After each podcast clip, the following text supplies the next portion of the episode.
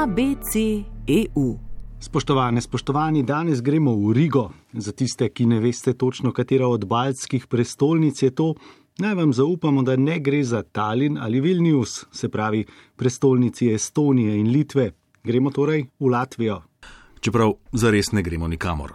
Torej, virtualno gremo s prstom po zemljevidu na računalniškem monitorju na sever, kjer se danes končuje dvodnevno zasedanje Zveze NATO, ker danes. EU in NATO. Kdo bi si mislil, da sta obe organizaciji šele po letu 2000 nekako formalizirale odnose? Sploh če vemo, da sta brez opredelitve odnosa obstajali kar nekaj desetletij, delita pa si tudi kar nekaj članstva.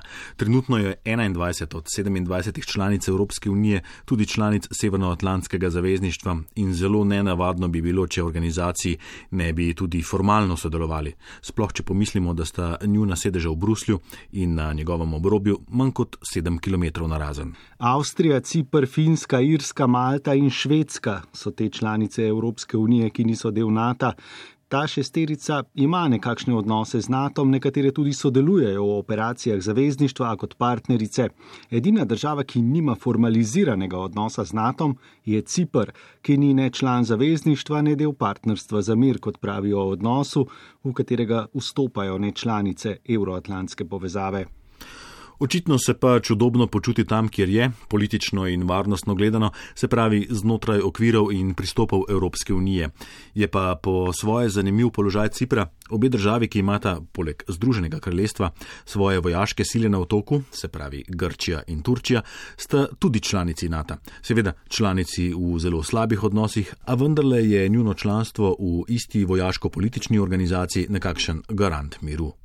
In očitno je tak garant miru tudi odločitev ciprskih politikov, da se članstva v primarno vojaški organizaciji ne gredo. Ampak zdaj so bistveno preveč časa porabila za debato o politično-varnostni situaciji otoka v toplem delu sredozemlja. Včeraj okrog povdne je bilo v britanski vojaški bazi Akrotiri, ki sodi pod ozemlje Združenega kraljestva, 24 stopinj Celzija in pretežno jasno. Je pa res, da jih konec tedna čaka nekaj dežja, in temperature le okrog 21 stopinj. Midva pa s kolesi pri nič stopinjah.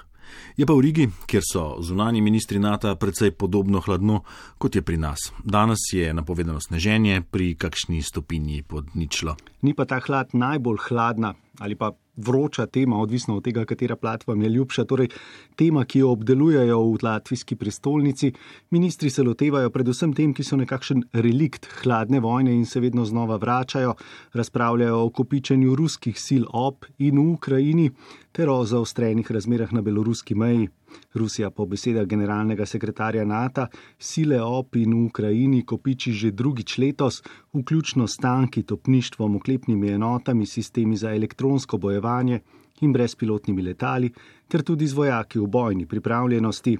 Ob tem je generalni sekretar NATO Jens Stoltenberg Moskvo znova pozival k preglednosti in umiritvi razmer ter ponovil, da pristop zavezništva ostaja nespremenjen. Še naprej bodo krepili obrambo in odvračanje, obenem pa ostali pripravljeni na dialog. Izhodišče beloruskega dela razprave so predvsem ravnanja voditelja, diktatorja, ki s podbujanjem poti prebežnikov na mejo s Polsko, Latvijo in Litvo izvaja pritisk na te države, s tem pa seveda tudi na Evropsko unijo in pa NATO. Temu v NATO pravijo hibridna vojna, deluje kot šahiranje, figure pa so ljudje, ki nimajo kam in jih preprosto premikajo po obmejnem ozemlju. Hibridno vojno pri NATO sicer označujejo za kombinacijo tako vojaških kot nevojaških orodij, vidnih in tajnih pristopov, kot so širjenje dezinformacij, kibernetske napade, gospodarske pritiske, uporaba tako neregularnih ali paravojaških enot kot uradnih vojaških enot. So pa to tudi meje Evropske unije. Ključni povdarki do zdajšnjih razprav so predvsem iskanje načina, kako z usmerjenimi sankcijami prepričati režim v Minsku, prav tako Moskvo, naj spremenita svoje ravnanje. Da sankcije ne dajo nujno rezultata, ki bi si ga želeli, je dejstvo, ki ga zrcali skoraj 8 let ruske zasedbe polotoka Krim.